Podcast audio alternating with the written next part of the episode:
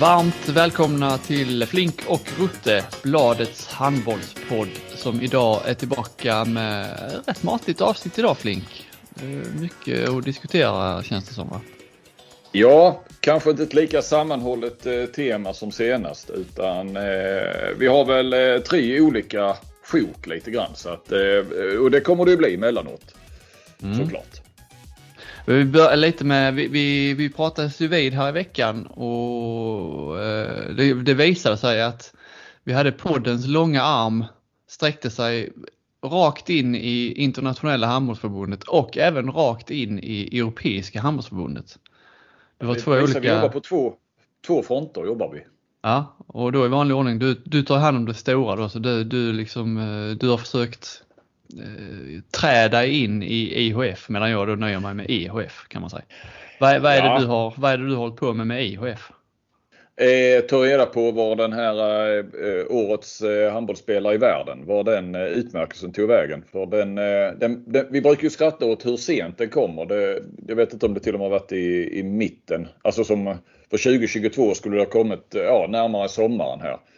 2023. Men det gjorde det inte och jag har ju sett lite på, på Twitter, att, eller X, att eh, det är några som har efterlyst Eh, det där och, och eh, pingat in eh, IOF eh, på, på X. Men eh, jag försökte ta det ändå att mejla dem och jag hade ju ett namn på en medarbetare som, som jag tror jag mejlade i samband med hemma-VM i januari eh, och, och, och, lite statistiken som jag än en gång gick igång på där och då fick jag ju snabbt svar. Så att jag mejlade henne men jag fick en eh, sån här auto-replay eller vad det var att hon eh, inte jobbar på IOF tills vidare tror jag det stod.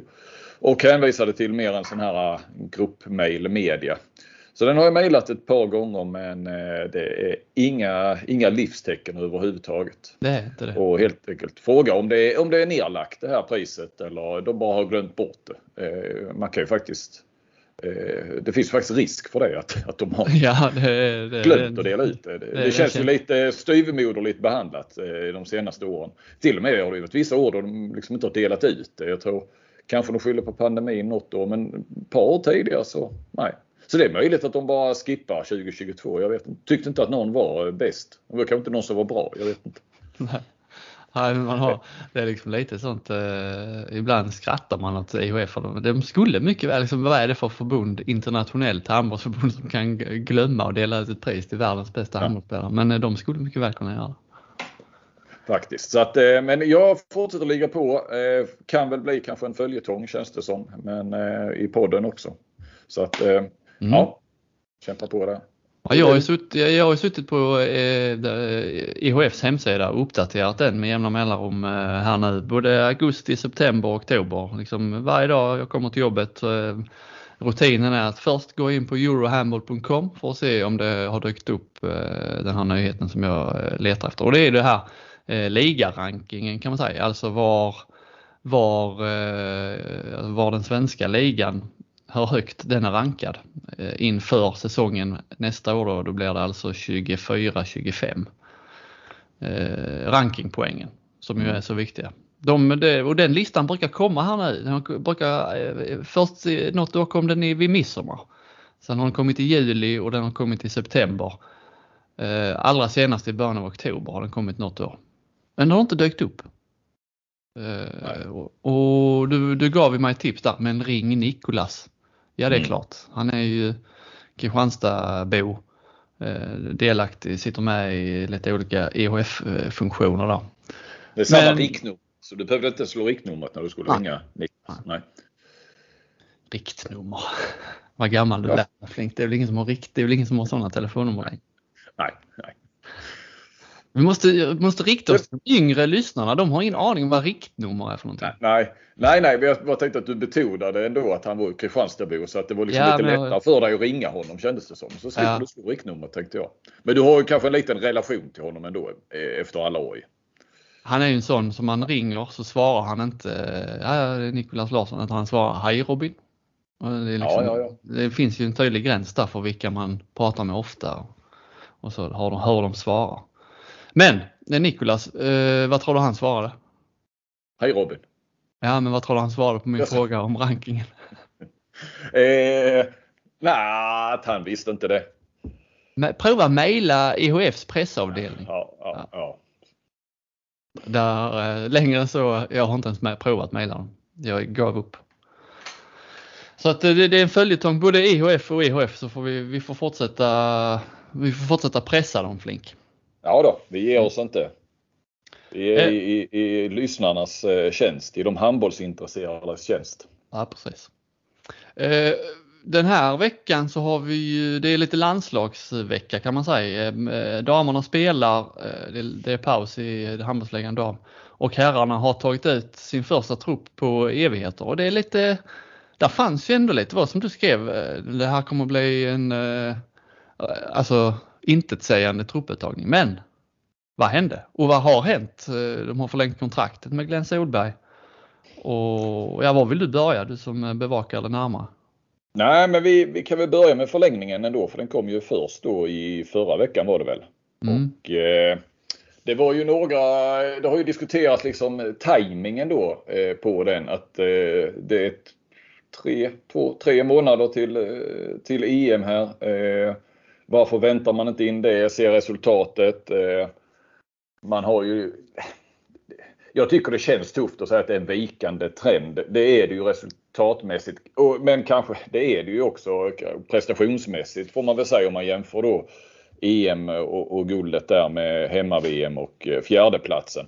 Eh, samtidigt så är det ju inte, det var ju inget, eh, det var ju inget fiasko. Eh Eh, och, och, och, alltså topp 4 är ju, det är ju, det är ju alltid godkänt. Eh, även eh, när förväntningarna är höga. Men eh, det, det, var väl lite avslutning de sista matcherna och det kändes som att eh, de blev lite synade där. Eh, Sverige och försvarsspel och så vidare. Men så då är ju, eh, ja, så att eh, jag förstår ju den eh, invändningen då att varför förlänga nu eh, så här i, i oktober med, med några månader till, till EM i Tyskland. Och jag tog frågan vidare till Hanna Fogelström, landslagschefen som jag pratade med i förra veckan. Så vi kan väl eh, lyssna vad hon säger.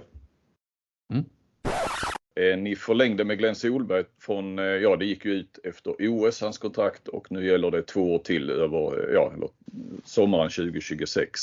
Eh, man kan ju ifrågasätta tajmingen på att eh, ni förlängde med, med honom nu, att man inte väntade kanske ett mästerskap till och, och får se hur det gick. Varför eh, förlängde ni nu? Jag har ju pratat om det tidigare, fått frågor tidigare, inte minst kring att vi förlängde med Thomas eh, tidigare i våras. Så det var ju ofta direktfrågan eh, hur ser det ut med Glenn? Och vi har haft en dialog och process med Glenn sedan tidigt i våras efter hans och herrarnas senaste mästerskap där vi haft en dialog om, eh, om att förlänga. Så för oss har det varit en längre process och det är en längre process att, att anställa eh, eller förlänga i det här fallet en förbundskapten. Det är mer än att eh, coacha på internationella mästerskap, vilket såklart är huvuduppgiften.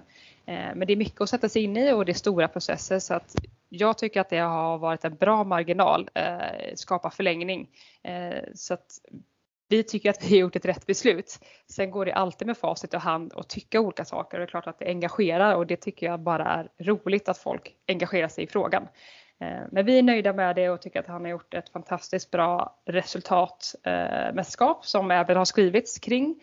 Eh, och både spelare och ledare utvecklas och trivs i miljöerna. Så att ehm, vi ser fram emot de här kommande åren så får väl resultaten och tiden utvisa vad som var rätt eller fel så förväntningarna har ju naturligtvis höjts väldigt mycket här med, med efter först VM-silvret i 2021 och sen EM-guld 2022. Ni tycker inte att det var att då hemma-VM att det blev liksom en, en lite vikande trend för att som sagt resultaten eh, han har haft är ju, det är ju de bästa sedan eh, Bengt Johansson var förbundskapten så det, de är oantastliga så sett ju. Men, men om man tittar på utvecklingen eller trenden vi tycker inte att det var ett dåligt VM när Sverige kom fyra och vi hade eh, Danmark, Frankrike och eh, Spanien framför oss som har varit stabila där över mycket längre tid än när vi har varit där och att vi alltid med konkurrerar om medaljerna. Det är bra. Eh, så att vi är inte missnöjda med eh, VMet som var. Så, att, eh, så, så, ser inte vi på det i alla fall. Eh, men det är som du säger, det är klart att förväntningarna höjs inte bara från, från oss själva och spelare och ledargruppen men såklart att trycket utifrån också gör det för att man vill att Sverige tar medaljer eh, och det tycker jag att vi alla ska, ska vilja och sträva efter. Så om jag förstår dig rätt Hanna nu så anledningen till att ni förlängde med Glenn, att det här beskedet kom så hyfsat tätt in på EM eh, och, och, att eh, är snarare att det var så lång process så att skulle ni ha satt igång den processen och alltså inväntat eh, EM i, i, januari så skulle det vara en process som hade pågått under våren under ett eh, OS-kval eventuellt då eller troligt och nästan fram emot OS då hans kontrakt går ut. Är det, är det rätt uppfattat? Ja, absolut. Eh, plus att vi har förtroende för Glenn eh, och tycker han har gjort ett bra jobb så att vi vill också visa det eh, och är glada att det har fallit på plats. Och även som du säger att det är klart att det är viktigt att saker och ting runt omkring är på plats. Det är lika viktigt tycker jag även som spelare att ha framtida klubbval klara för att kunna ha rätt fokus på, på där man är och det är ett otroligt viktigt år som som kommer. Så att, eh, att det här är på plats tror vi skapar trygghet och möjligheter för, för prestation. Kan man säga att ni, invänt, att ni snarare inväntade hemma-VM för att se om ni skulle förlänga eller inte?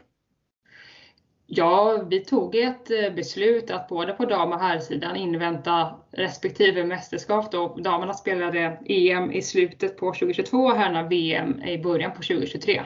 Så vi hade liknande process för båda där vi tyckte att ja, men nu är det eh, ett eh, mästerskap och ett OS kvar på kontraktet och då tycker vi att det var bra tid att börja inleda dialoger om, om framtiden. Mm. Eh, hur ser det ut med assisterande förbundskapten? Mikael Apelgrens kontrakt går ju ut där och han ska dessutom på ett helt, helt nytt jobb, helt nytt land. Han ska till Pick och det ändrar ju rätt mycket av hans kanske förutsättningar. Hur resonerar ni där? Nu har vi första steget eh, gjort klart med förbundskapten och nu inleds jobbet att eh, bygga teamet därifrån. Och jag och Micke har dialog, eh, men vi ska inleda processen i stort, vem som kommer bli assisterande från OS 2024 eller efter OS 2024. Så ni får vänta och se. Är Glenn med och bestämmer där? Ja, självklart så får alltid förbundskaptenen vara med och ge förslag och inspel på den Eh, som den hön ska jobba eh, närmast. Så han var också involverad eh, i processen när vi valde då i slutändan Mikael. Men beslutet ligger alltid hos förbundsstyrelsen i det här fallet. Mm. I Solbergs nya kontrakt, är det, någon, är det något annorlunda i förhållande till att jobba som klubbtränare för hans del? Nej, det är det egentligen inte. Eh, utan eh, vi vill ha heltidsanställda förbundskaptener som eh, har det som huvudsyssla. Så att han kommer vara 100% förbundskapten. Sen vad han har tid med eller gör på sin fritid, det har vi såklart dialog om. Mm. Men inget annat aktuellt att han ska ta något annat uppdrag som tar tid från landslagsuppdraget egentligen. Fanns det, fanns det någon konkurrens eh, om honom. Eh, kunde han lägga in eh, i, i förhandlingen att eh, det fanns andra intressenter som ville ha honom så att säga? Som, gjorde, alltså, som påverkade hastigheten på eh, att ni bestämde er för honom?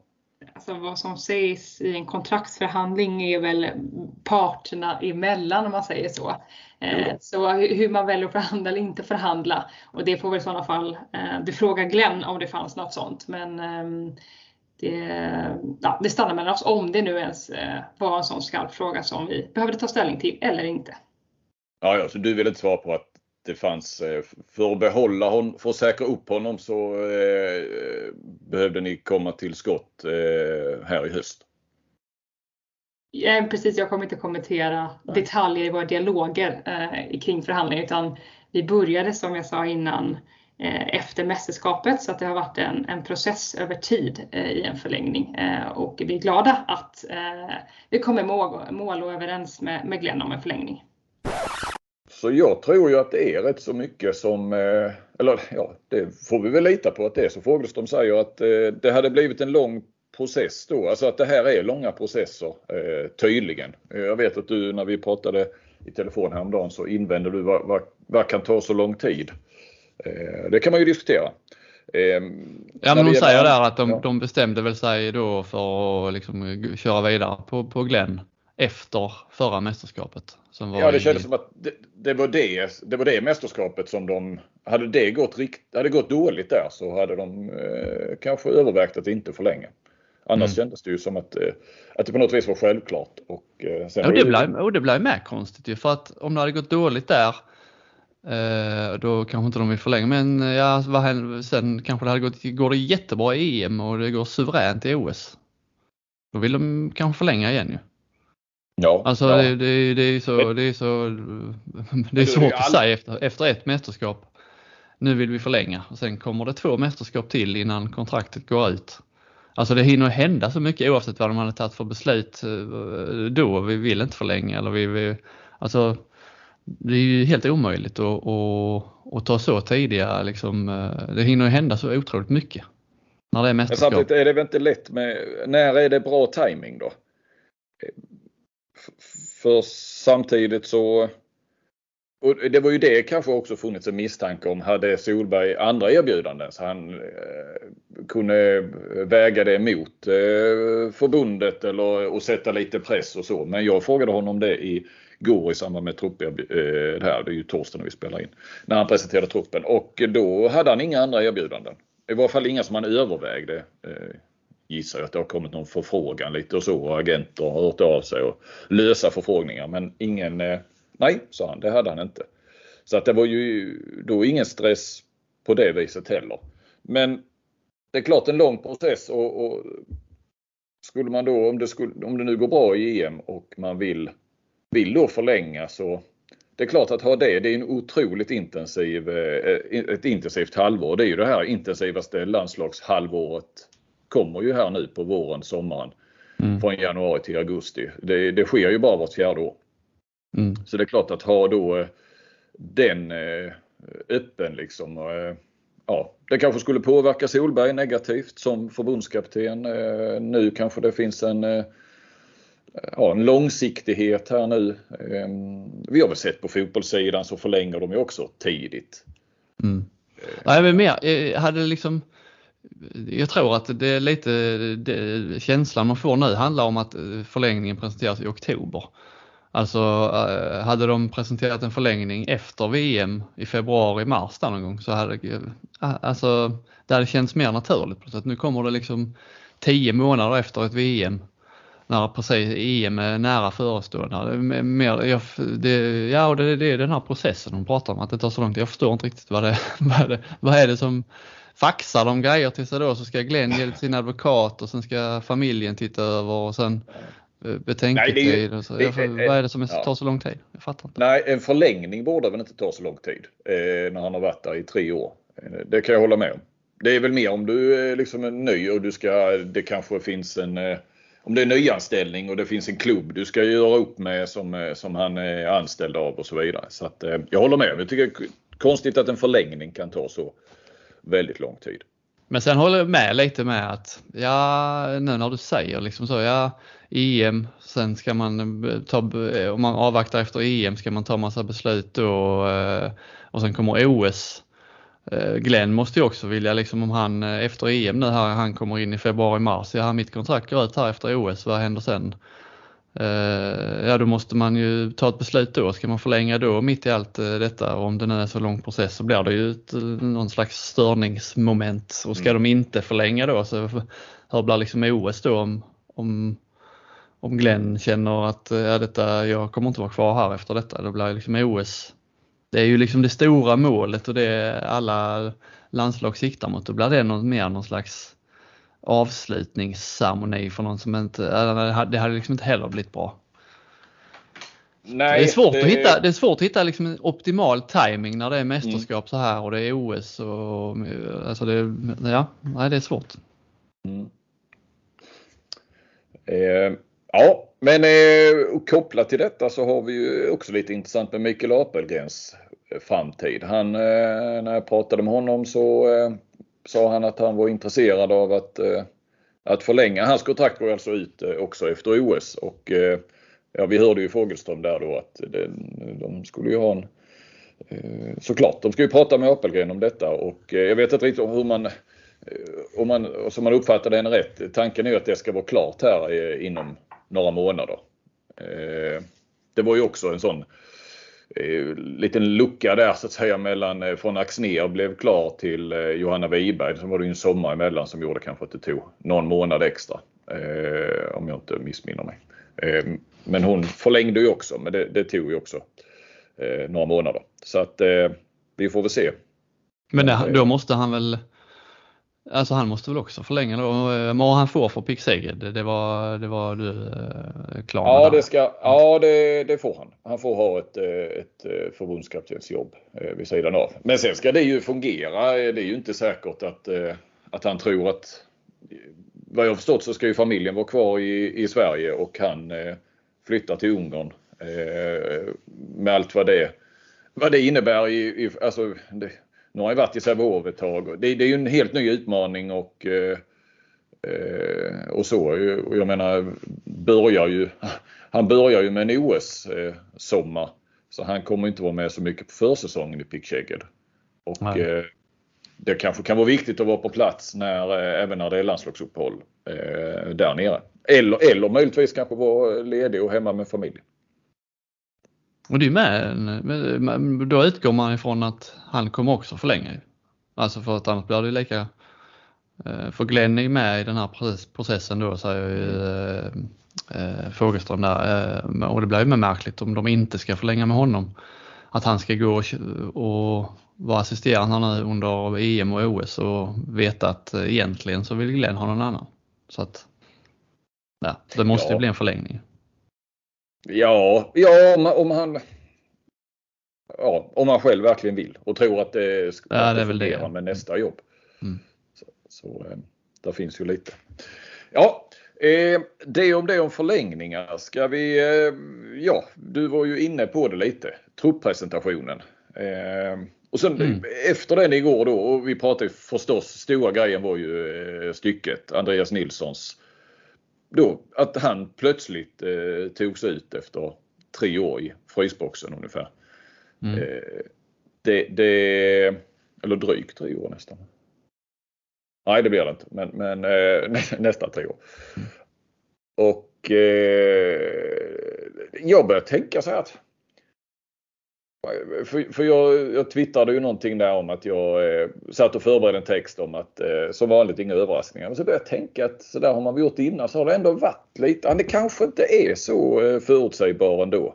Det här var ju, det här var väl den största grejen men, men vi får inte glömma det från början och då handlar det kanske inte om uttagning utan snarare petningar då när han valde att inte ta ut spelare, bland annat stycket och Lukas Nilsson och, och så som inte kom med till, till eh, VM 2021. Men eh, det har väl varit lite sådär. Han har, nej, vi ska inte säga att han är skrällarnas man.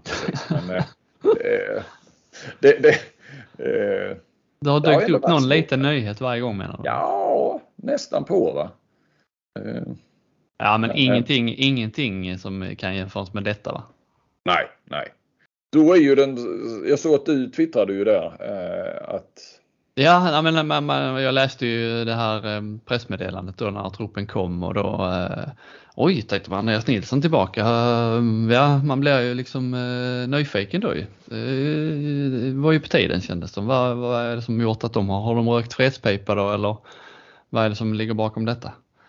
Men då liksom Ja, så blir man ju liksom lite så trött när man säger Andreas har spetsegenskaper som passar in i vårt lag och liksom han, de beskriver, de pratar om Andreas Nilsson som att det är en, en ung eh, ny kille som har kommit upp här nu och visat spetsegenskaper här nu. Oh, han har visat bra i Vesprem som att det är någon nyhet då. Men alltså det har han ju gjort i tio år liksom.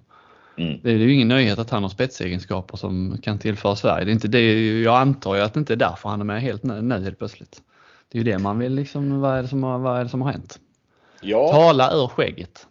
Ja, men det, det är ju svårt att få Glenn Solberg att göra och det har det ju alltid varit. Så att, eh, men, ja, men jag, du gör dina, alltså varje gång man läser när det är någon sån här fråga som är liksom lite, ja, inte kontroversiell, men det är liksom, man vill veta mer än vad som skrevs i de officiella utskicken.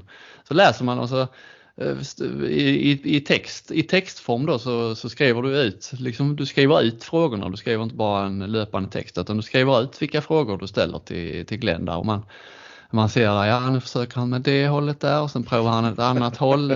Vi tar frågan från en annan vinkel, går det? Nej det går inte. Nej, han kör det varvet. Ja, smart, smart Flink. Nej, och det går liksom, en, minst en, två gånger om året så, så finns det sådana intervjuer. Men du kommer ingenstans ja, han vägrar. Han, eh, han slår mig varje gång alltså. Han ja, besegrar mig varje gång. Än så länge är det 3-0 till Glenn Solberg. Nej men det är liksom, eh, vad säger du om det?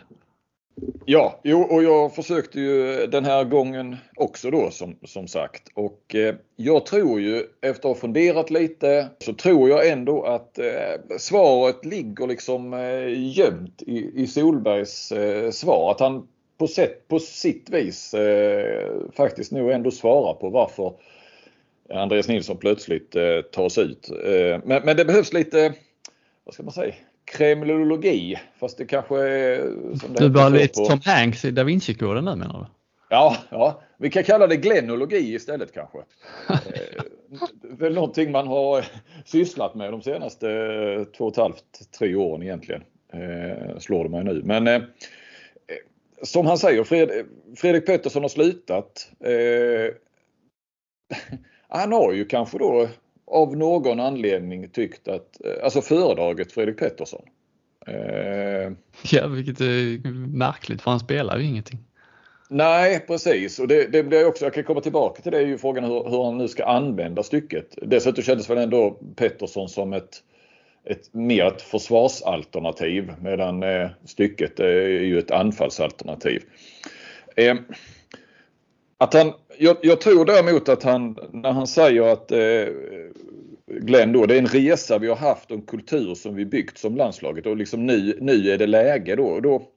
Jag tror faktiskt vi får gå tillbaka till dels att han petades första gången då till, till Hemmaby. Han var ju faktiskt med i, i Solbergs allra första trupp på hösten där eh, under pandemin. Eh, de spelade väl, tror jag, träningslandskamper bara eller vad det var. Eh, sen var han ju med eh, och så skulle han ju blivit uttagen till VM men eh, blev inte det för att han ville ha ett par dagars eh, semester. Och eh, jag skrev ju ett rätt så långt reportage om hur Solberg har byggt det här landslaget i den VM-bibeln vi gjorde inför hemma-VM. Så där har man det väl lite utförligare. Men, men de ville ju och han ville ju komma ifrån det här eh, som hade varit under rätt många år. Att man kom och gick lite i landslaget. Man tackade nej av lite olika anledningar och så. Utan här var det nu, nu, nu ska alla vara med och man är med hela tiden. Man har inga, inga semestrar och så. Den, den det hedrar honom. Ja, och den satte de ju från början och det första som händer är då att en av de stora stjärnorna eh, begär semester. Så att då, och gav väl inte sig heller utan ja, vad jag förstod så sa ju stycket om inte jag får semestern så är jag inte med. Eh, så att det, det, det, var inte bara ett förslag utan det var väl ett ultimatum så att säga, eller ett villkor från, från stycket. Och då hade ju liksom Solberg någonstans målat in sig ett hörn. För skulle han börja tumma på, på eh, den viktiga, eh, vad ska man säga, i värdegrund och allt det där. Så, så, så det var ju därför. Något annat som också har varit som Solberg varit väldigt upptagen med och, och liksom landslagsledningen och så. Det har ju varit att eh, alltså den fysiska statusen. Precis som på damsidan och Axner där så har man ju jobbat mycket med det. Eh, man ska inte minst liksom uthålligt, man ska orka springa. Eh, de vill springa mycket. Och eh, det är ju ingen hemlighet att det är inte styckets eh, starka sida och att, att han hade liksom låga värden där också. Och jag tror ju att, att skulle man då tagit med honom sen efter VM där då, där diskvalificerade han på sätt och vis sig själv kanske.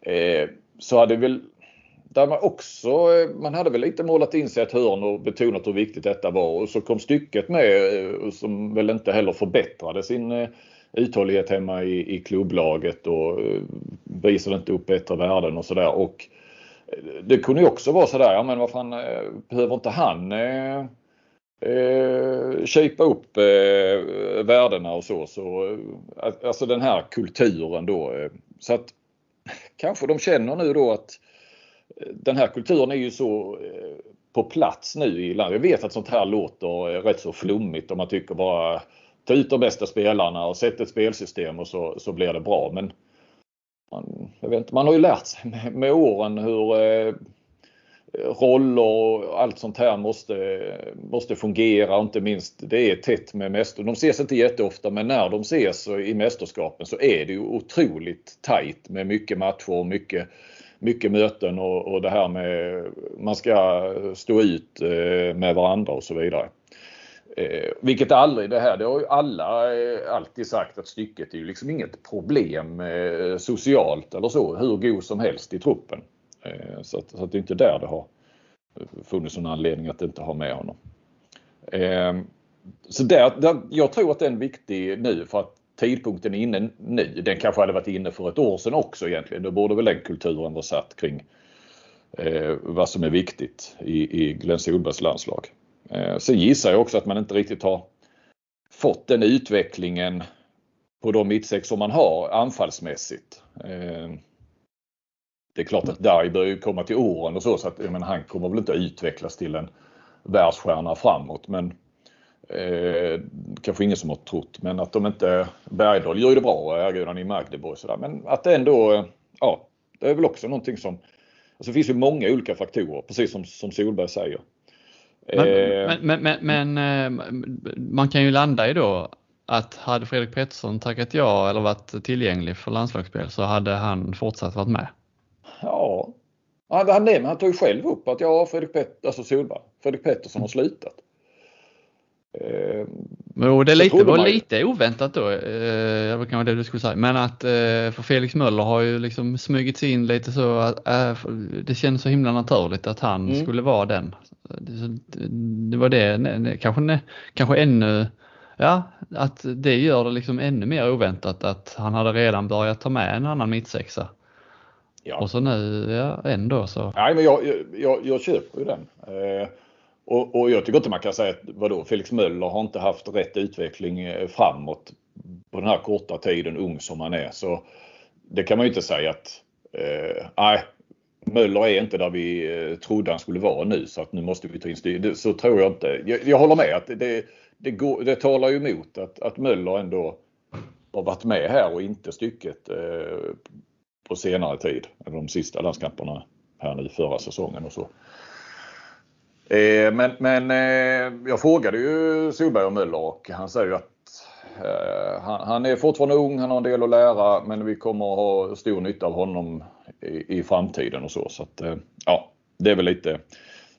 Sen vet jag inte om du minns i var ju förra hösten när jag pratade med Solberg inför säsongen, där, jag tror det var på upptaktsträffen, om där han kom in Eh, och jag slog upp det som att nu kanske vi har svaret. Det var ju det här med, med att hans, de två linjespelarna då, alltså Dario Bergendahl då framförallt var högertrior, riviga, aggressiva.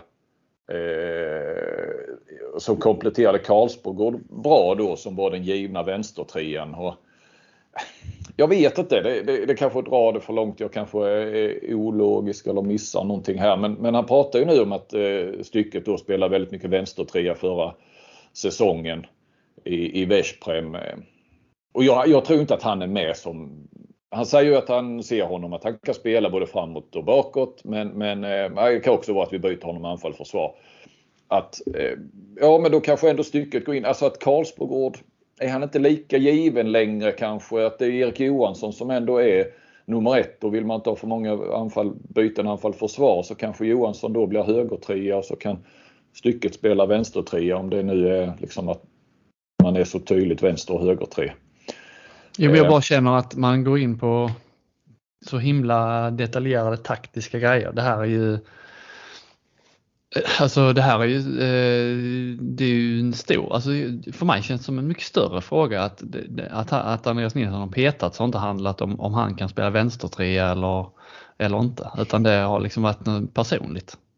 Ja men det tror jag inte det har varit personligt har inte det, jag tror inte det har varit personligt. Ja men det har, du säger ju lite delvis där att han eh, krävde liksom att han skulle få ledigt därefter. För, ja, ja, men det, det därefter har liksom, eh, nej, men då... nej men det var ju mer att det var ju den grejen. Alltså jag tror inte att han har straffats sen för att han tackade nej då. Han straffades ju i det första mästerskapet. Men jag tror inte att det har legat honom egentligen i fatet så mycket sen.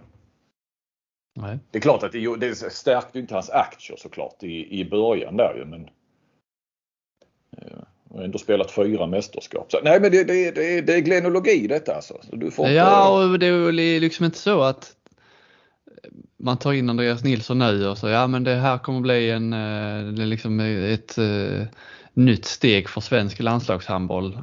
Utan, alltså på, på, långsiktigt för att det här jag vet inte hur länge han tänker spela men det, känns, alltså, det är inte så himla många mästerskap han kommer hinna vara med.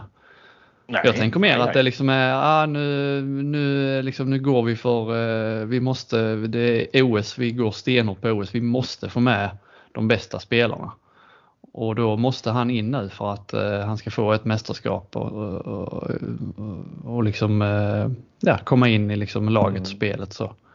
Det är, där har vi ju nästa fråga. OS eh, eh, med, med 14 man i truppen. Då måste du eh, ta bort spelare snarare än att lägga till och då brukar man ju ha med liksom som en, om du har en tredje gubbe på någon position så är det ju snarare en, eh, en väldigt allround spelare som, som eh, kan spela. Det är ju ja, vad var det? Filip Stenmalm är väl en sån som var med i, i OS 2016 till exempel. Eh, ja, finns väl mm. fler, jag kommer inte på nu. Där har man råd att ha Alltså hade styck, ja, och Fredrik Pettersson i senaste OS. Ska man ha tre mittsexor med där en är Andreas Nilsson som trots allt är, har sina styrkor framåt. Och har en, liksom en sån rollspelare. Och sen är ju frågan hur, men han måste ska... väl vara med i OS? Annars finns det väl ingen anledning att de har eh, välkomnat honom tillbaka nu. Det måste väl finnas en tanke på att OS, han har ju... vi ska ha med de bästa i OS. Alltså ta med ja. honom nu och sen, ja det blir det ett, eh, det är ett delikat problem det där. Men ja, ja, mig känns det helt givet att nu är han med och han är ju vår bästa mittsexa. Ja, men mm. Men har du, har du plats för tre mittsexor på, ja. på 14 spelare. Då, då, får du åka med en kantspelare då. På ena, nej, men, ena. Ja, nej, nej, nej, jag vet inte. Men det bara känns så himla om det är så eller ska du peta kortsiktig paniklösning om de bara ska ta med honom för EM. Alltså det känns som en så ja. himla stor, det har varit ett så stort ämne det här i flera år att kasta in honom nu i ett mästerskap. Alltså, nu petas han i OS. Det måste ju finnas en plan liksom, i alla fall fram, fram till OS. Han är ju, som jag förstod på Solberg, så är alla de här nu är ju beredda att spela, alltså köra på fram till OS. Eh, jag frågade Solberg om det var så att Ekberg, att han hade velat spela EM i Tyskland men inte köra en, en OS-sommar. Alltså OS är ju mer än, än eh, två veckor i Paris. Det är ju typ en och en halv månad. Alltså det är, det är en eh, vaskad semester och eh, rätt så hårdkörning. Eh, och, och, många av dem har familjer och så vidare. Så att, eh, det innebär ju egentligen att du spelar handboll konstant i två år om du, om du är med på en eh, OS-satsning. Men, men alla de här är ju det. Så att det därför, men han sa om Ekberg där att eh, nej, det var det väl liksom inte eh, snack om att... Eh, för jag kan ju förstå Ekberg. Man tycker det är konstigt att man hoppar av nu. Det är ju nästan lika konstigt, om det nu är konstigt med förlängning. Men fasen ett, ett, ett EM på hans liksom andra hemland där han har bott i, i över tio år nu Ekberg med, som kommer att bli helt fantastiskt med arenorna, åskådare, eh, publik och, och, allt det här. Sverige är bra och så vidare. Men, eh, och sen ligger det till OS. Alltså hur kan man hoppa av nu? Men det är å andra sidan det mest intensiva halvåret som finns. Alltså jag tror inte att han... Eh, eh där kan jag förstå Ekberg. Att hur konstigt det är att man hoppar av nu så, så kan man ju förstå att han, att han gör det. Men, men eh, det om det. Tydligen så är ju alla de här med nu som, som nu är aktuella. De, de är ju med över, beredda om de blir uttagna och vara med, vara med över hela OS-satsningen så att säga. Mm. Eh, men nej, det blir ju, nu är du inne, lite inne på det här med hur, hur han ska användas och så för att det kommer ju bli intressant för oss som skriver om det, som följer det. Eh, ska han vara en Ska man rollspelare i, ska han gå in, eh, ska de köra mer 7 mot 6? Ehm, ska han eh, komma in lite som Pettersson när det inte fungerar för eh, Bergendal och Dai? Va, va, ehm, för nu, nu, kommer han ju hela tiden på, alltså innan har han, han har inte blivit uttagen och så har det blivit en artikel där jag har ringt stycket vid truppresentationen och han är lite besviken och säger att nu är det nog kört eller som senast nu nu, nu är det inte lönt med att ta med mig och jag vill inte typ och sådär. Jag vill inte vara med i en bruttotrupp tror jag han sa och sådär. Mm. Eh, men, men nu, nu är han ju top of mind hela tiden här nu så, så fort landslaget samlas. Så att det är ju också delikat. Hur, ja, nu är han inne i värmen och hur varm kommer han att, att få bli? Mm. Eh, sen har ju han själv innan här, jag har ju frågat liksom så här, skulle du kunna om du blir uttagen skulle du kunna tänka dig att, att liksom vara tredje valet eh, och sådär lite backup och rollspel och så. Då har han ju hela tiden sagt ja, väldigt alltså ödmjukt så att jag kommer inte Får jag frågan så kommer inte jag ställa några krav. Det är klart att han säger det. Om han vill vara med så måste han ju säga så ju. Men, men eh, det tror jag också att han eh, eh fungerar så stycket. Mm. Mm, det om det kanske. Eh, det var långt. Har du några Glen, tankar kring? Gnell, vad heter det? Glenologi? Glenologi ja. ja. Eh, kommer jag Kommer det, fortsättning följer det.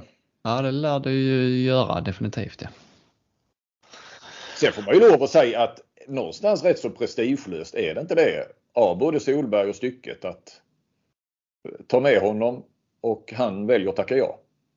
Jo, det är ju bra för alla inblandade detta. Det är det man har väntat på.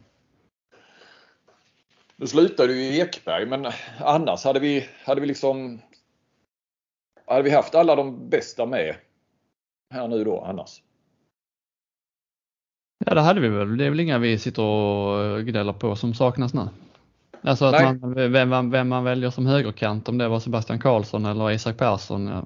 Eh, det är inte så att man hade, jag, håller, jag jag eh, förordar ju Sebastian Karlsson men det är inte så att man hade liksom gått upp i falsett och skrikit att eh, Glenn är fel på det eh, annars. Så att, Nej, och sen, och sen och finns det ju... Sen, ja. Du har ju Tolbring men liksom det är, det är där det är mer, ja men eh, han är ju Tolbring är bra men eh, varför ska du peta Vanne eller Pellas? De är, har ju också varit jättebra. Så att det, det är mer, där är det ju ren liksom konkurrens det är inget, och sen har du några spelare som gör det bra i stora eh, lag. Alltså på, men, jag menar det är ju inget, alltså Gustav Davidsson, Olle Forsell Schäfert och de här som eh, kanske med, med sämre konkurrens hade, hade varit med. Nu kommer Jonathan Edvardsson med igen. Det är ju, eh, är ju kul. Jag ställde faktiskt ingen fråga där varför de väljer att ta med tre. Eh, så Gottfridsson eh, kör väl rehab nu. Jag vet inte om det finns liksom osäkerhet kring det. Glömde faktiskt fråga det om alla de här som är uttagna är att han är tvärsäker på att de också kan spela. Nu handlar det ju om en, en match mot Ukraina, träningsmatch, så att det, det är väl viktigt att kan inte Gottfridsson spela så är det väl bra att han är med på träningen om inte annat. Mm. Eh, för det här blir ju någonstans en, eh, det blir ju en början på eh, en smygstart på EM-uppladdningen kan man nog säga. Mm. Eh, och det för oss in lite grann på, på damerna som väl eh, lite... EM-kvalet börjar. Ja, Eh, och det, är, det, var ju för väl att Sverige fick de här matcherna mot eh, både Danmark och Frankrike var i våras mot tuffare motstånd. För nu går de alltså in i ett EM-kval med Island, Färöarna och Luxemburg. Och där då Island ska räknas som, eh, jag vet inte, stora utmanare eller någonting. Men de möter ju nu Färöarna hemma, Uppsala ikväll och sen har de Luxemburg borta eh, söndag tror jag det de spelar och, alltså, eh, vi spelar in torsdag dag och de spelar torsdag kväll så att ja. när detta lyssnas på så är den ju redan avgjord. Det är rätt tuff konkurrens om publiken ikväll. Vi har Färöarna och vi har Moldavien på eh, Friends. Ja, ja, ja. svårt för folket att välja. Jävla krock alltså. Mm. Ja. Nej men det är ju mm, det är ju svårt att gå igång på det här EM-kvalet och det är det ju även på här sidan. Alltså jag, jag vet att jag tycker man skulle på något vis, eh, det vi har varit inne på det tidigare, att kanske ändra kvalsystemet så att eh, de bästa i, i, i förra mästerskapet, eller alltså förra EM då om vi snackar EM, eh, eller VM då, är direktkvalificerade och så kan de lagen istället ha bra träningsmatcher. Eh, för det ger ju mer även om man ja, tävlingsmatcher är alltid bättre än träningsmatch. Och så, och så får så, nu när startfälten är uppe i 24 på, på både dam och herrsidan i EM till exempel. Eh, så, så man måste, man måste sprida handbollen Flink. Tänk ja, eh, Ukraina, det är för, för dem, för Ukraina ger det ju kanske, eller ja, gör det det, men eh, det, det finns, man, man, skulle väl kunna driva en teori om att Ukraina, för Ukraina är det bättre att möta Sverige än att möta Färöarna. Ja. Ja, nu är vi i Ukraina, nu blandar jag ihop här och dam, men du fattar min ja, poäng. Ja, ja, ja, jo, jo, men, men eh, jag vet inte. Jag tycker det varit bättre att de hade haft eh, Eh, ett, de hade, eh, ja, halva startfältet eller två tredjedelar hade fått kvala sig till, eh, till EM och så hade de andra varit klara och så kunde man spelat eh, träningsmatch som gör mer. Men det kanske hade blivit för mycket av den varan då, jag vet inte. Men nu har de ju spelat när vi lyssnar på detta, men vad, vad, vad är det som du hoppas har hänt ikväll? Mer än att, eh, finns det något liksom som du hmm, hade kunnat vinkla på? Nej, vi, vi är vin, vinkelkung av Guds nåde. nej.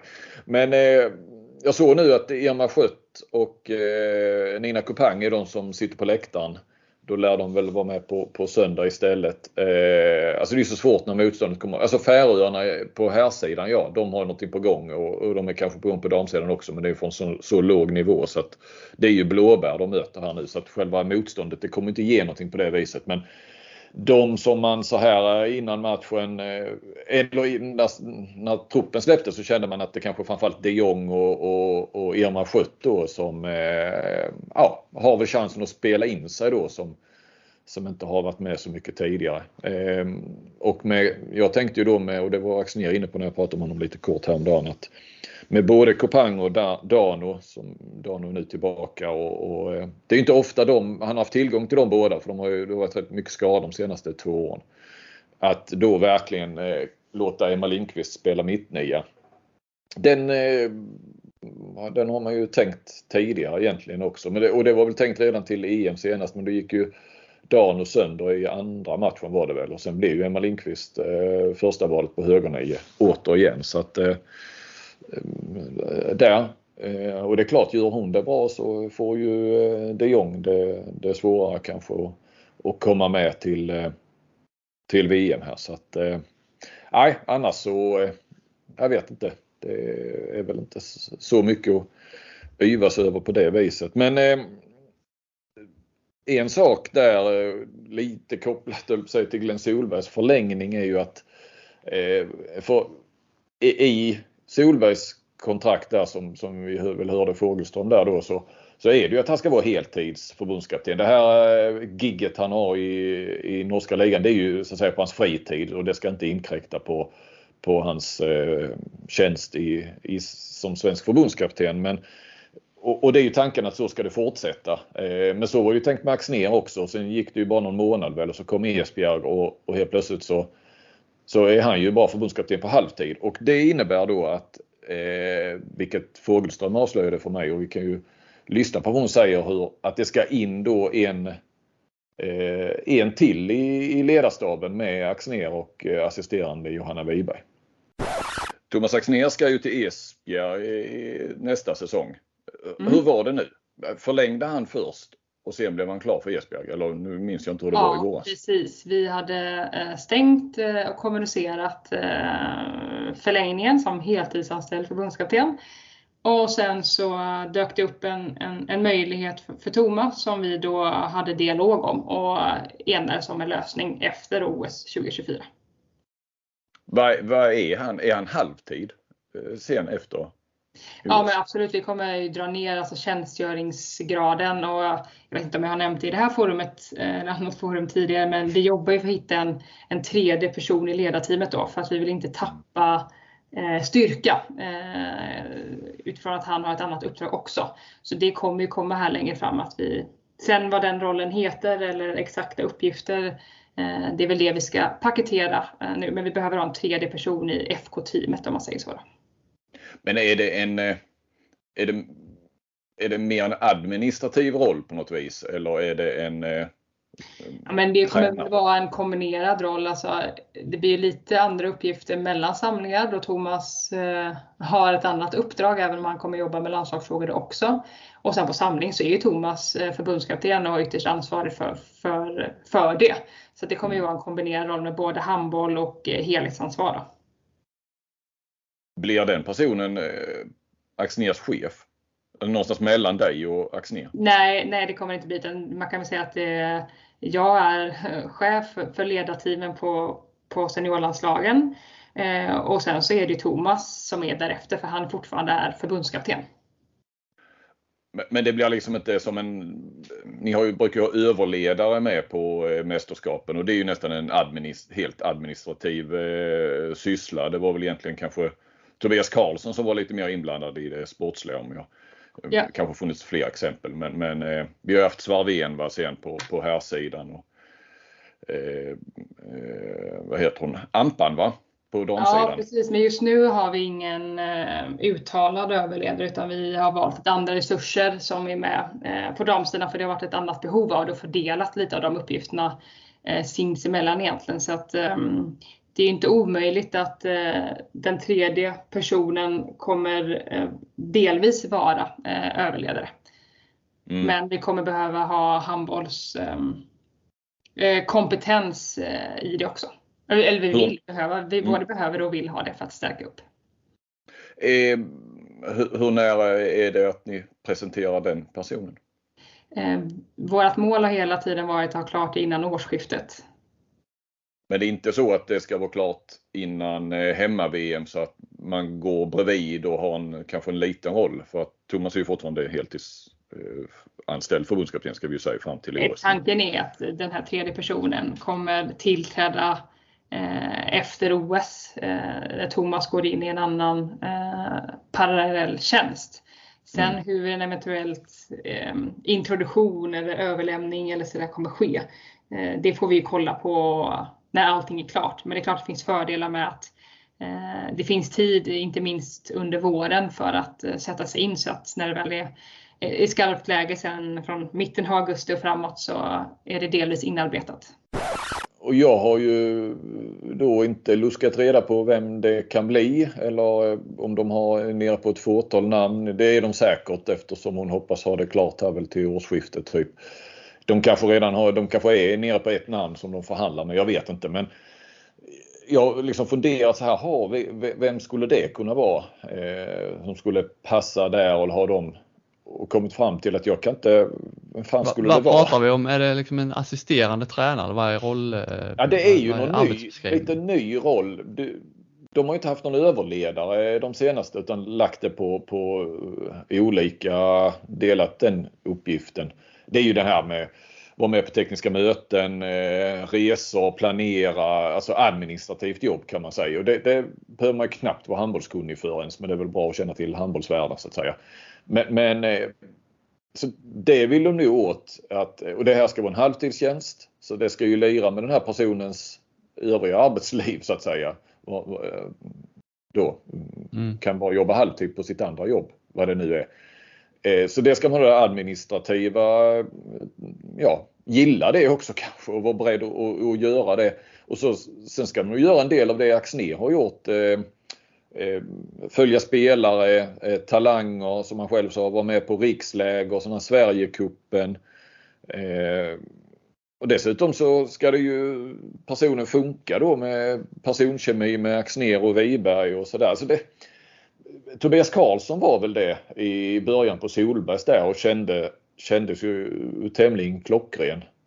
Eh, men det blev ju ingen fortsättning för att de vill ju inte heltidsanställa honom och han, eh, hans andra jobb vill inte släppa honom och låta honom bara eh, köra halvtid där ju. Så att, eh, och du har inte väl... fått frågan? Jag har inte fått frågan. Jag sitter ju, ja de har ju, de har ju mitt nummer, det vet jag. Ja, men det, det, det, jag, ringde, jag ringde henne häromdagen. Ja, och du kunde ju gått över till Frilands Sportbladet där och så kliver du in administrativt. Känns ju flink eh, som handen i handsken. Ja, fråga pojklaget. De har ju lite roligt åt det att jag numera bara har en administrativ roll. ja, så har du det? Jo då, jag hånas för det. Titt som det. Det är du ser, du ser det liksom. Ja. ja. Nej, men det är ju en, nej, det är en lite speciell tjänst. Så kan de hitta någon så som herrarna hittade Tobias Karlsson var det väl bara något halvår, ett år så. Men, men ja, nej, kom gärna med, med förslag på vad det kan vara för någon. Det bör ju vara någon ändå såklart ju inom damhandbollen så att säga. Ju, som, jag vet inte om det är en gammal spelare ungefär som Tobbe Karlsson eller är det en tränare? Som... Ja, det är väl Jenny Linell. Ja. Ja. Kommer du ihåg vad du hörde du först Flink? Ja, ja. Dessutom är väl deltidsanställd av förbundet redan. Ja. Inte så mycket kommentering nu. Kan varva Nej. lite olika och hon kan fortsätta kommentera om det skulle bli mer sändningar och så. Det inkräktar liksom inte på hennes landslagsfunktion. Nej, nej, nej, nej du har poäng.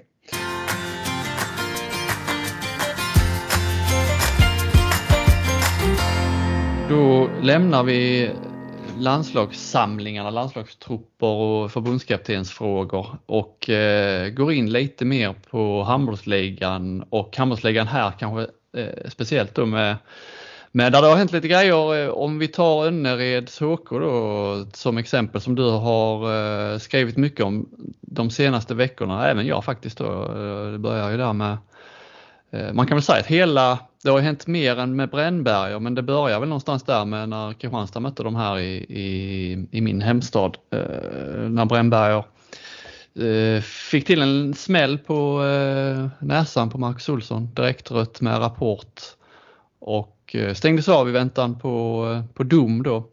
Och domen kom och den var ju rätt lång, två månader. Vi kan, om man börjar där då. Jag tyckte att det var att jag får liksom inte grepp om den här disciplinnämnden. var det känns som att eh, straff eller längden på straffen, det finns ingen röd tråd riktigt där. Var, I början av säsongen stängdes han ju av en månad där efter den eh, cupmatchen mot RIK och den, den smällen kändes ju rätt mycket fulare ja. skulle jag säga. När man Men då slängde de ju in ett bötesbelopp också mitt i alltihopa. Ju. Ja, och liksom, jaha. Vilket ja. vi knappast har sett någon gång. Det borde vi ju ta reda på varför det blev eh, böter plötsligt eh, inblandat. Men ja, det har vi inte gjort. Nej, och så blev det lite kortare straff och nu blir det långt straff igen då. Ingen böter nu vad jag kunde se i alla fall. Nej, nej, inga böter.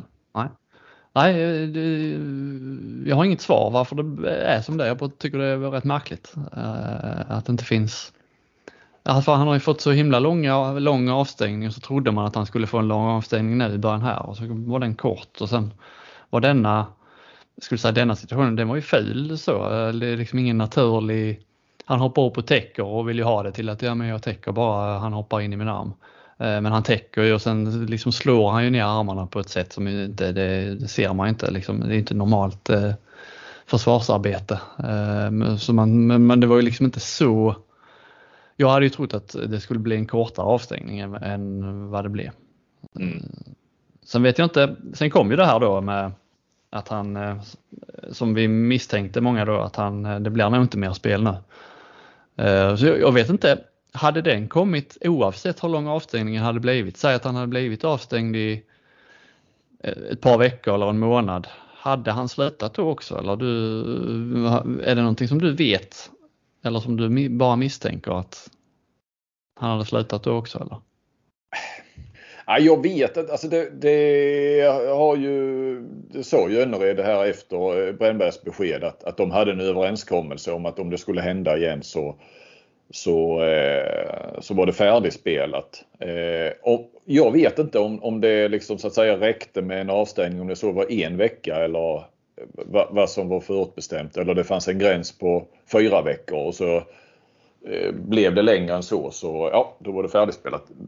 Den vet jag inte och sen ska väl Brännberg ha, jag vet inte liksom då, eh, det sa i varje fall klubbchefen till mig eh, där innan avstängningen, eh, alltså domen kom så sa han att, eh, att han har Nej, nej, det var nu när domen hade kommit så frågade jag ju honom där. Det var ju jättekort efter. Det var ju tio minuter efter domen hade kommit. Om slutar han spela nu? Så då sa ju han Johan Sylvan, klubbchefen, att ja, han, han har ju skrivit i när han, och det såg jag redan den RIK-grejen. Då hade han skrivit någonting till disciplinnämnden att om han får en längre avstängning så, så lägger han av.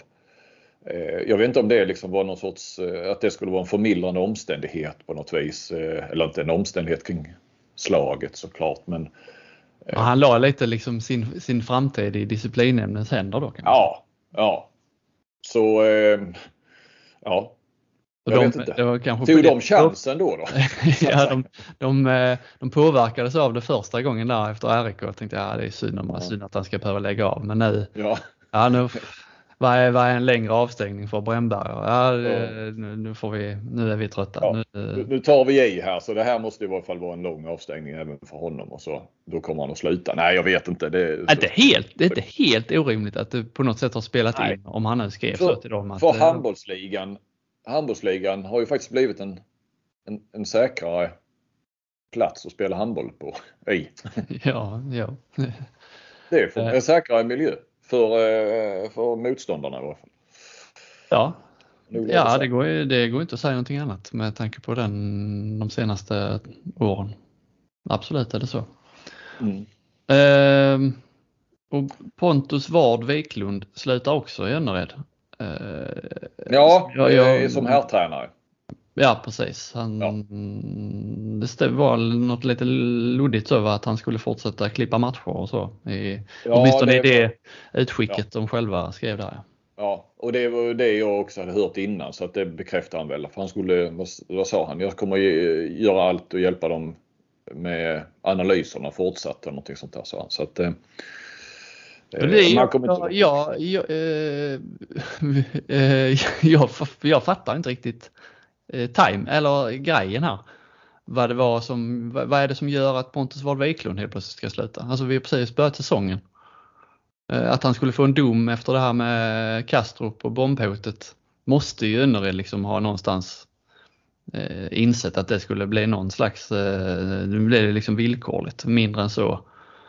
Eh, det, det, måste de ju, det måste de ju ha förstått att han, det här kommer, han kommer att dömas för. Det. Vad är det som, eller, eh, jag begriper liksom inte varför han ska sluta just nu. Varför tog man inte det beslutet eh, innan säsongen då att vi ska byta tränare? Eh, jag, jag har svårt som utomstående att förstå varför, varför han ska sluta. Ja men domen har ju såklart spelat in här det, det, med tanke på tidpunkten och så samtidigt så har det inte gått bra heller i inledningen och när både han och Brännberg var, sen var borta då. Ja Brännberg har varit borta mycket men, men och de mötte Ystad hemma så eh, var det ett annat Önnered får man väl då säga och de, de slog Ystad. Eh, nu har de i sig tagit poäng eh, borta mot Kristianstad innan dess. Eh, så att eh, det fanns ju det gick ju bra utan dem också. Så, så jag tänker att de eh, Eller det... har heller inte visat resultat så att eh, de också kanske så att säga tar chansen att eh, peta väck honom. Eh, kan skylla helt på domen. Om de nu har gjort det, jag vet inte riktigt. Det var väl lite vagt också exakt anledningen. Ja, man får lite känsla av att de tog dit Dennis Sandberg för att de visste vad som eh, för att de visste att han skulle kliva in liksom som huvudtränare men att de väntade in Eh, den här domen då innan mm. de eh, gör ja, slag i ja. saken. Ja, för i, i Sandberg har de ju ändå en, det finns ju ändå rätt många på sina håll i, i, i handbollsligan, andra tränare som, som nog inte är redo att, att bli, att bara ta steget upp ju. Eh, så mycket så att säga, pengar eller så eh, finns det inte i handbollsligan. Det kanske är liksom annorlunda i fotbollsallsvenskan där det är mer etablerade också som andra tränare fast oftast är de ju av andra tränare. Typ. Sandberg har väl det har väl varit mer eller mindre kanske delat ledarskap med Franzén. Men, men det är ju ändå Franzén som har varit förste och han har ju också varit assisterande. Men, men nog är liksom Sandberg redo att stå som eh, huvudtränare i, i ett eh, handbollsligalag. Så att eh, ja precis, de hade ju säkrat upp där, eh, alltså en etablerad tränare får man ju lov att säga. Mm. Du har gjorde ju ett större nedslag där i uh, Inside Önnered. Mm. Hur upplevde du liksom, för det var ju mitt i detta va? Ja, ja. Du var ju där före Brännberg i och för sig men det, det, Mm. det är liksom en Ja, precis. Jag, jag, ja, jag var ju där faktiskt en vecka innan, lite drygt till och med, åtta dagar innan vi publicerade och innan allt det här domarna började komma så att säga. Så att, Mm. Men det var ju ändå liksom, det var ju ändå, eh, det var ju inte en förening i, fullständig balans som du besökte. Nej, nej. Men det här med, med att domen skulle komma en vecka senare. Där var ju Vard Wiklund lurig där. nu. Jag har ju pratat med honom till och från eh, under det här året om eh, att, att prata om vad som verkligen hände och han har hela tiden kunnat säga jag kan inte det och han har ju liksom trott att ja, men jag kan nog det om en månad sa han efter kanske några månader. Att, eh, för då, då eh, är det inte avslutat i Danmark ännu och sådär och då Ja, man väl, då har jag ju nästan trott så här, men det läggs väl ner då kanske bara och sen kan han prata om det. Men har inte kunnat och, och, och nu så frågade jag honom inför jag skulle till, till Önnered och han sa att nej det är inte avslutat ännu. Och, så jag hade ju liksom en text först där då som var om varför han inte kan prata om det och hur det känns att gå och vänta på att eventuellt få ett straff. Och det kändes som jag tog i lite där. Du kan alltså fortfarande bli straffad för det. Ja, ja, nej jag vet ingenting. Men det måste han ju ha vetat att det skulle vara rättegång en, en vecka senare. Så att eh, det var ju lite, lite lurigt. Så där fick man ju stryka och uppdatera eftersom den domen hann ju komma dagen innan vi skulle publicera. Så, eh, så därför, liksom, ja det hade gått. Eh, jag hade ju ingen aning om när jag var där att det här kanske skulle ta ytterligare ett halvår. Det, det har ju inte varit liksom så mycket snack om. Det har ju gått så lång tid så att Kastrup-grejen är ju, den har väl varit glömd i folks medvetande så att säga. Inte Ystad IF. Nja, jo, men det var ju för att domen kom. Jag tror inte att de hade skrivit som de gjorde. För, Nej, först kom ju okej, domen och sen twittrade ju de dagen efter. Mm. Eh, Så, här, så att eh, det tror jag faktiskt. inte. Nej, de twittrade lite om att de skulle Ja.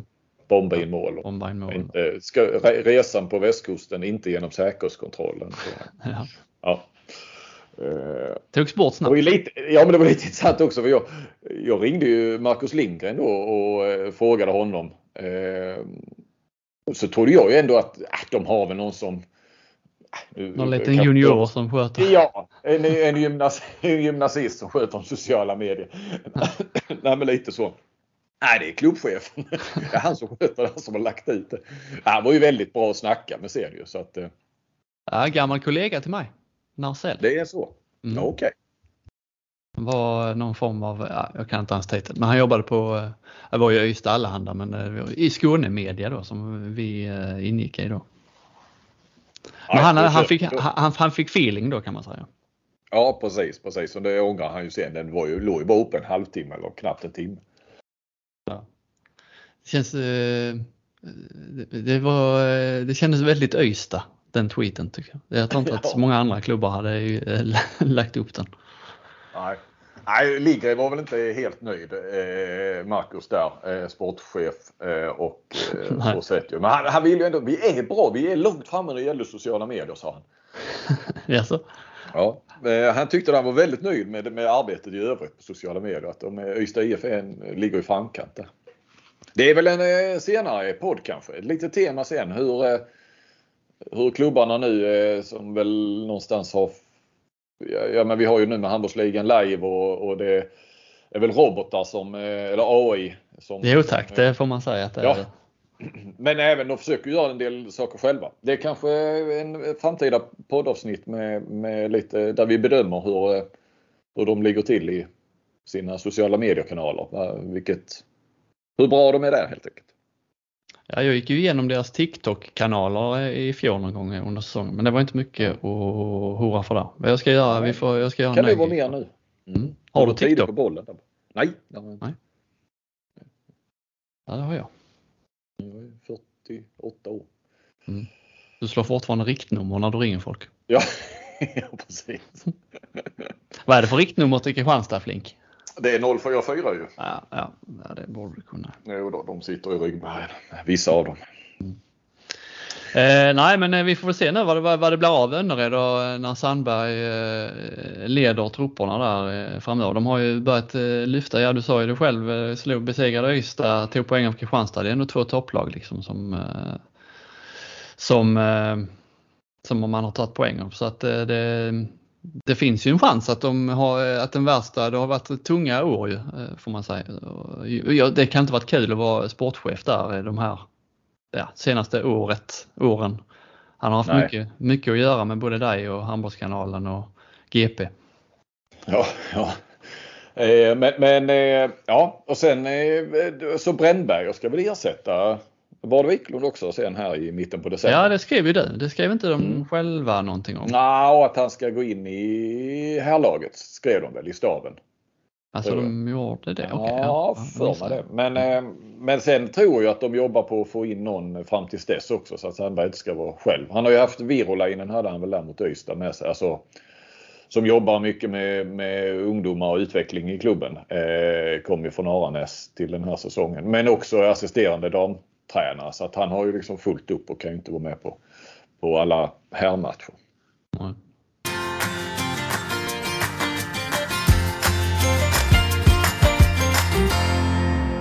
När det gäller handbollsligan i övrigt så har jag eh, jag har ju fastnat lite för eh, Amos start då. Nu, har de ju, nu förlorar de ju mot eh, Kristianstad. Ledde ju serien länge där och ledde ju, delade ledningen med, med Sävehof. Nu möts ju de här under kvällen när vi spelar in så får vi se vilka som, som leder handbollsligan när ni Hammarby. Lyssnar.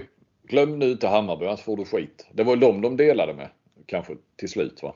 Efter att Hammarby har slagit Sävehof. Ja, men de, ja, det gjorde de ju först, men sen, eh, nu, sen slog ju eh, Sävehof Alingsås. Ja, ja, okej, okay, okej. Okay. Men eh, visst, jag ska inte glömma Hammarby. Nej, jag får inte glömma Twitter-maffian i Hammarby. Den är... De kan har... Kan man ha efter sig. de har åtta poäng allihopa när vi spelar in detta, Sävehof, Amo och Hammarby. Så att de delar alla tre, det har du helt rätt i. Hammarby får vi inte glömma. Eh, men det, det jag tänkte på mest är ju framförallt att eh, Amo, även eh, om de har ett bra lag, så det, det, man glömmer snabbt att det, det är nykomling detta som, som vi redan pratar om som ett eh, tänkbart topplag. Alltså som de har spelat, jag tyckte att de förlorade mot Kristianstad tydligt och så men, men eh, det var inte så att det var någon jätteklassskillnad i den matchen så även om Kristianstad vann rätt komfortabelt utan den ledningen kom ju de första tio minuterna och sen var det ju liksom matchen var ju eh, helt jämn efter det. Eh, och det jag sett av Amo, jag har sett rätt mycket Amo faktiskt så, så eh, håller man ändå fast vid det att de, det är ju liksom, det är ju inget lag som bara kommit upp för att försöka ta sig till slutspel utan de kan ju mycket väl vara med där uppe och utmana om liksom topp 4 placering. tror jag. Mm. Och det, är ju liksom, det ser man inte varje säsong direkt det här att nykomlingar på allvar går upp och, och etablerar sig som ett topplag. Jag frågade dig lite innan, så vad har vi för liksom, eh, gamla liksom, i Sverige så, som pigga nykomlingar? Ja, vi var inne lite på Hammarby där härom året. De blev skia. Mm. Lindesberg lyfte du fram, de blev sexa där 2005-2006. Men, ja, för jag, tror jag, ja, för jag skrev eh, någon gång där, med Hammarby att det var de första på 2000-talet som eller bästa nykomling på 2000-talet och då fick man lite bannor där att Lindesberg hade varit sexa. Så att, eh, den, mm. Eh, den har satt sig eh, djupt i. Ja, det är klart. Det är klart du kommer ihåg det. Varför kommer man alltid ihåg? Du, du får så mycket beröm för mycket, du, eh, för mycket du skriver men sen är det någon sån gammal grej du fick bannor för det. Det, det sätter sig. Ja, ja, ja det är ja, samma ja, sak med mig. Så, så fungerar väl de flesta. Ja. Nej men annars, förutom de två där och det är ju sexa, sjua, visst det är pigga nykomlingar det får man ju säga men det är ju inga, inga toppplaceringar på det sättet. Du får ju gå tillbaka till ja, RIK blev femma eh, 84. Sen är vi nere på Ersta 90, de blev fyra. Ja, vi grävde i arkivet Avarta blev tvåa som nykomlingar 81. Eh, Heim trea, sen, sen vann faktiskt Drott serien 69 men de eh, är faktiskt lite kul där för att Drott som nykomling vann serien. Sen gick de inte till final eh, utan den vann Hellas mot en annan nykomling, Ystad IF 69. Ja. Men nu är vi långt bak. Göta ja, vann SM-guld. Som nykomling mitt på 60-talet. Var Göta mm. från Helsingborg då. Mm. Eh, ja. Nej men det verkar ju vara enklare på 60-talet. Som sagt, vad, vad, vad, vad sa du? Har vi senaste 40 åren, om vi går tillbaka till 83 någonstans, så är det en fjärde plats som bäst. Alltså vi har ett par fjärdeplatser och någon femteplats och så då, då Lindesberg och Hammarby. Eh, Ja. På 40 år. Mm. I, i modern, jag vet inte var gränsen går för modern tid, men jag skulle säga att i modern tid har, modern tid har vi liksom ingen riktig sån här klassiker. Eh, Nej. Någon, någon riktig, liksom något som biter sig fast så, eh, som man liksom eh, går in i historieböckerna. Jag säger inte att Amo nödvändigtvis kommer liksom att vinna serien eller vinna SM-guld, men, men kanske, förmodligen kommer de kanske bli liksom den eh, piggaste nykomlingen vi har eh, under min, eh, liksom så länge man har följt, så länge jag har följt eh, Ja, det, om man blir bättre än sexa så får man väl lov att säga det då. För, då, för annars får vi gå tillbaka som sagt till ja, 30 år bakåt i tiden. Mm. Och du behöver, inte, du behöver inte stanna i handbollen. Att det är liksom, för man tänker ju ofta handboll, ja det är svårt. Alltså, eh, det vet vi, vi har pratat om det här med det är svårare att skrälla i handboll än vad det är i fotboll. Eh, Mm. det, det liksom, eh, när det blir, ju fler mål det blir, ju större eh, sannolikhet är det att liksom det bästa laget i grunden vinner. Mm, mm. Men, vi, men det, det är ju inte, alltså går du till fotbollen, vad har vi där som, jag grävde lite i arkivet, vad har vi där för nykomlingar som har, som har eh, gått på Öster, vann 69, det är ändå rätt länge sedan. Mm. Eh, vi får gå ännu längre tillbaka, då har vi Elfsborg, de åkte ur högsta serien 54. Eh, sen gick de upp igen och vann SM-guld som nykomling 61. Vet du vem som spelar i laget då? Eh, I Elfsborg 1961. nej, nej, nej, nej. Handbo- handbollskoppling. Jaha, handbollskoppling. Elfsborg, vi är på 60-talet. Jaha, eh, eh, någon Stenbäcken eller någonting. Nej, Leif Loket Olsson. Jaha. Oj, Fast inte, fast inte den Leif Loket Olsson då, utan Nej.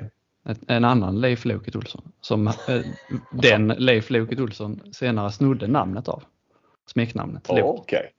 Ja, för jag tänkte väl alltså, ja, Bingolotto och gamla handbollsdomaren på världsnivå att eh, ja, jag blev lite, ja nu när jag tänker till, det är ju helt omöjligt att han skulle ha vunnit allsvenskan med, ja, han såg inte ut som en fotbollsspelare heller. Nej. Han fick faktiskt eh, smeknamnet efter den Loket som spelade i Elfsborg. Ingvar Oldsberg gav honom det namnet. Du har hittat lite guldkorn i Mm, mm. arkiven.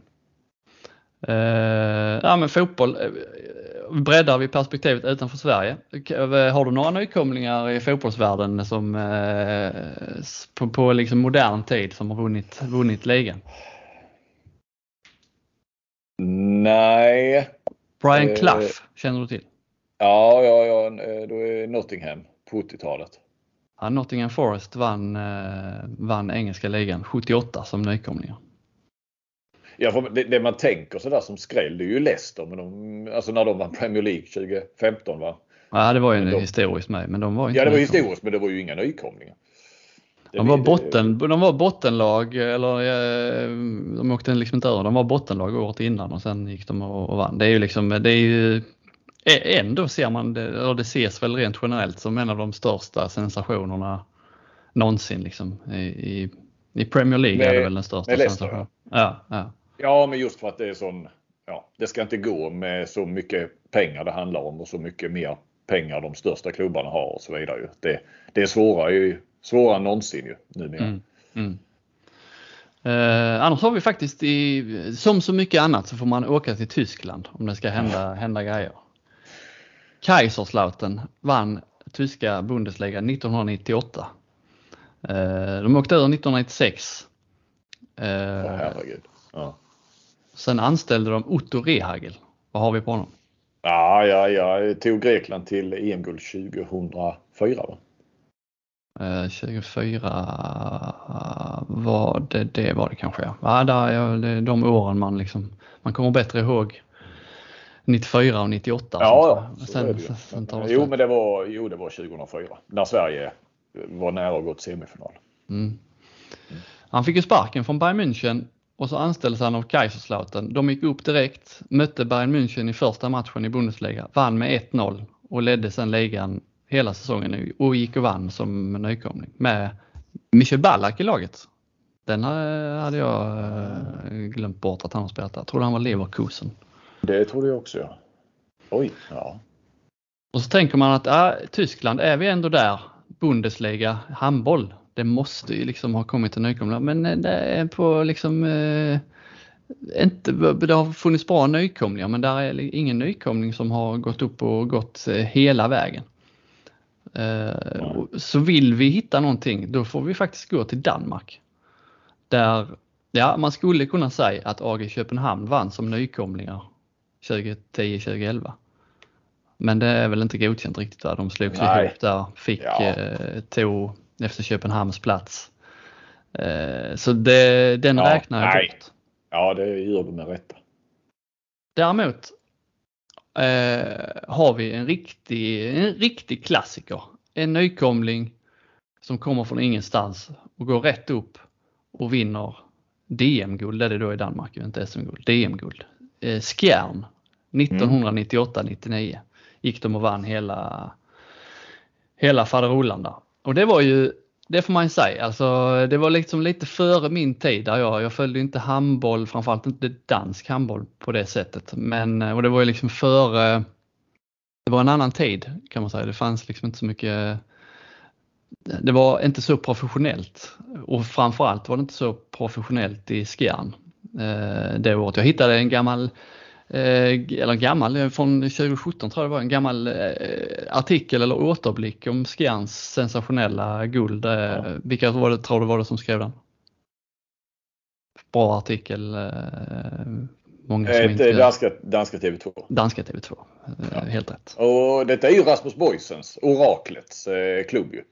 Han är ju någon slags marknads... Mm. Och är ju väl upp, uppvuxen där. Jag tror hans eh, far varit ordförande eller så, styrelse. Starke man kanske till och med. Eh, i, I många år. Mm.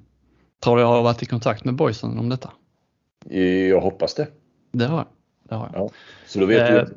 Mm. Men eh, bara, bara, det var framförallt den här artikeln som jag fastnade med. Jag har läst den flera gånger. Eh, fascinerande historia med, med Skjern. Liksom. Det var ett lag jag vet inte om man kan jämföra man, man skulle inte kunna jämföra det med AMO, det är väldigt mycket inköpt liksom. Eh, det var ett lag med bara lokala spelare kan man säga.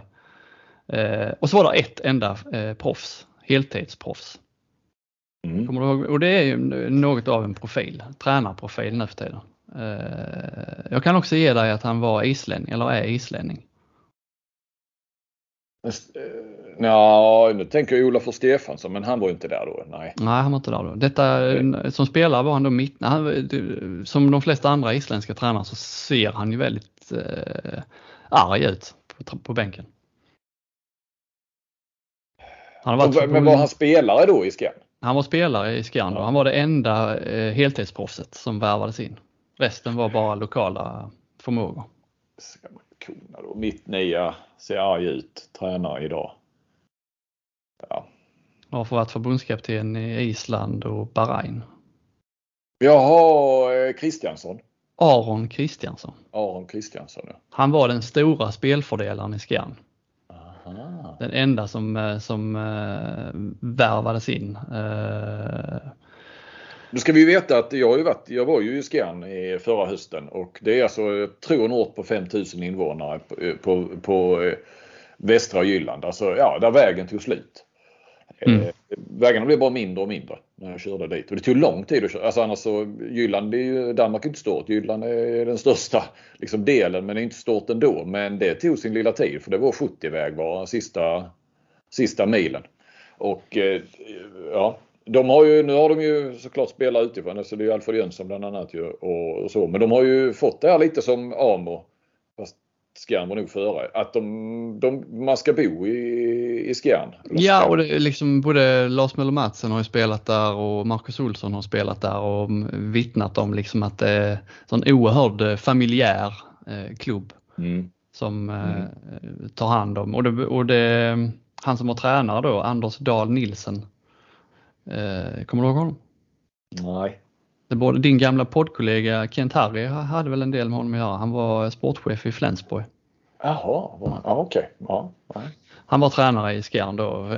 De berättade för frugan var liksom förskollärare. Alltså de lär, man, alla liksom, när man kommer till Skjern så tas man om hand. Man, man blir mm. snabbt en del av, av samhället. Mm, mm. men um, bortsett från Kristiansson då så var det liksom alla andra var ju, det här var ju, uh, och det skulle man väl kunna jämföra med Hammarby i så fall. Att alla spelar mest på hobbynivå, hobbynivå då vid sidan av sina jobb och studier så tjänar inga pengar, får inga löner. Uh, men det var ju, det var bara Kristiansson som, som fick uh, mm. heltids, heltidslön. De låg alla pengar i, i, vad heter det, i en och samma påse? Ja, faktiskt det de sa. Det de sa, det var ett citat där från eh, eh, Henrik Hansen, han var lagkapten då tror jag. Eh, men då, då, då berättar de ju där att de, det de lägger eh, på mat nu, alltså till laget nu i Skjern, det, alltså när de äter efter matcher så, det var vad deras spelarbudget var 99. Eh, så det är rätt stor skillnad på, på, på resurserna. Men det verkar vara ett gött gäng för att de sa det. Ja. Vi värdesatte den sociala aspekten i, i, i truppen säger Henrik Hansen där. En låda öl i omklädningsrummet efter en seger räckte inte så mycket kan jag säga. Eh, det gör det nog fortfarande inte faktiskt. Det sa inte, nej. inte. Nej men jag var ju där och stod i korridoren och noterade att det stod nog mer än en back öl eh, i korridoren utanför omklädningsrummet. Sen har jag faktiskt eh, ätit av den här maten som, eh, och den för att jag intervjuade ju boysen där efter jag var, jag var och tittade på en Europa League-match tror jag. Ja träffade Alfred Jönsson och sen så hade jag ju aldrig träffat Rasmus Boysen så eller suttit ner med honom. Så vi satte oss där så sa han ska du ta lite käk? Och så ja men de alla spelar och allting käkar där inne nu. Gå in och går vi in här och tar lite. Och det var bra mat. Så att mm. de, lägger ju, de har ju lagt en del pengar på maten ändå. Så det kanske kan stämma överens med hur mycket pengar de la på spelarna för. Nej men det var, ja. ja då på, den, på den här guldsäsongen då så var det ju, då införde de då att vi, vi, vi äter ihop om vi vinner. Så det blev, de berättade att det var nästan som morot att vinna matcher för att oh, då, skulle, då skulle vi få gemensam middag efter matcherna. Ja. Och de sa att varje vinst var ju liksom, de kom upp som nykomlingar där. Eh, de hävdar ju då i den artikeln, Scan, att det var den säsongen som, som uttrycket en match i taget föddes. Eh, lite eh, skeptisk, men de hävdar det. att de kom på det? Liksom att de kom på det uttrycket, ja. Att, I, i hela en, världen. De var mm. först med det i hela världen. Ja. Mm. Ja, lite skarvat. Lite skarvat, men det var men liksom, låt dem, låt dem tro det. Det var varje, varje vinst, varje match i högsta ligan och varje vinst var ju liksom jättestor och de berättade att det var en, liksom en ren, eh, det var jubel hela säsongen, inte minst för Syveren i Skjern. Det är alltså en lokal pub Eh, de fick också känslan ganska tidigt i processen att det här var någonting alldeles eh, speciellt. Vi var inte rädda för att fira varje seger. Man kunde vara kung på natten, men då skulle man också vara kung på löpträningen dagen efter, säger lagkaptenen där, Henrik Hansen. Och där, ja, eh, det är liksom sånt här, man ser inte sånt här längre. Med, framförallt inte då med liksom Eh, lokala spelare som kan liksom ta sig upp i högsta ligan och gå och, gå och vinna guld. Det, det, känns som en, eh, det känns som en annan tid. Det känns som det är längre sedan än de, vad det, 20 år sedan som, ja. som, som det faktiskt är.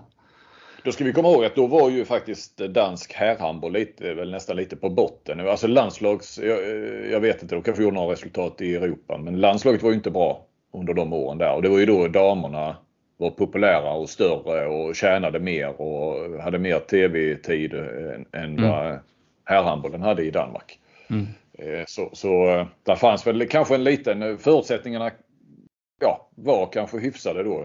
Sen, ja, sen har ju bara pengarna blivit större och då, då någonstans blir det ju svårare för, för de här för nykomlingar och de mindre lagen. Men, men Skjern verkar vara välmående och en liten perfekt arena hade de alltså för ändamålet så att säga. Mm. Det kändes som det tog 2 500. Så, alltså, sådana har vi ju i Sverige också. Men, ja, men liten, intim och eh, kändes liksom välfylld och det var hyfsat. Jag tror också att den, den fylls ofta också för att man går på handboll i, i Skjern. Även om det bara bor 5000 så, så går väl de flesta och så lite i byarna runt om och sådär. Så. Och mm. väldigt lokal förankring då. Det är kanske därför då publiken kommer också. Ja och han eh, Aron Kristiansson eh, då, proffset, han eh, hyllade, eller hyllade tränaren där, Anders Dahl Nilsson, det var hans förtjänst att jag kom och det var hans, hans spelsätt som gjorde att vi liksom kunde överraska och vinna. De spelade då 3-2-1 försvar hela, hela året vilket då ställde till det för 6-0 inställda motståndare. De, slog i, de vann faktiskt inte grundserien.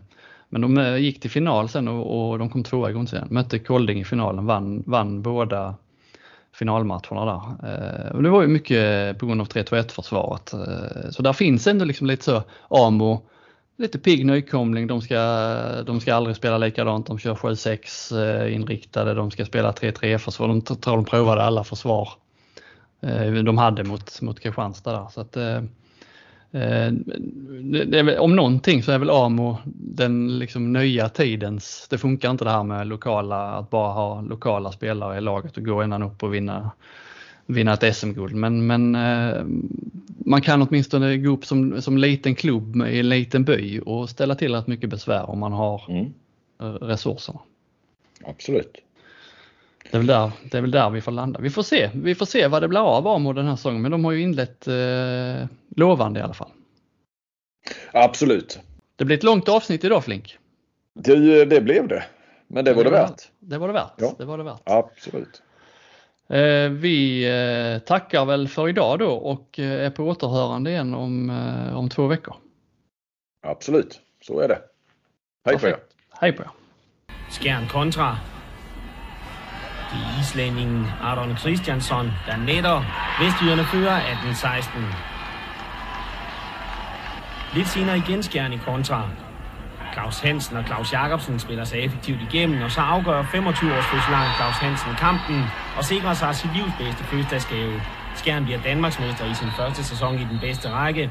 En fantastisk triumf for træner Anders Dahl Nielsen. Jeg må sige, at vi er fortjent danske mester i dag, når man øh, går ind i slutspillet som oprykker og vinder seks kampe ud af seks mulige. Det synes jeg, det er en flot præstation.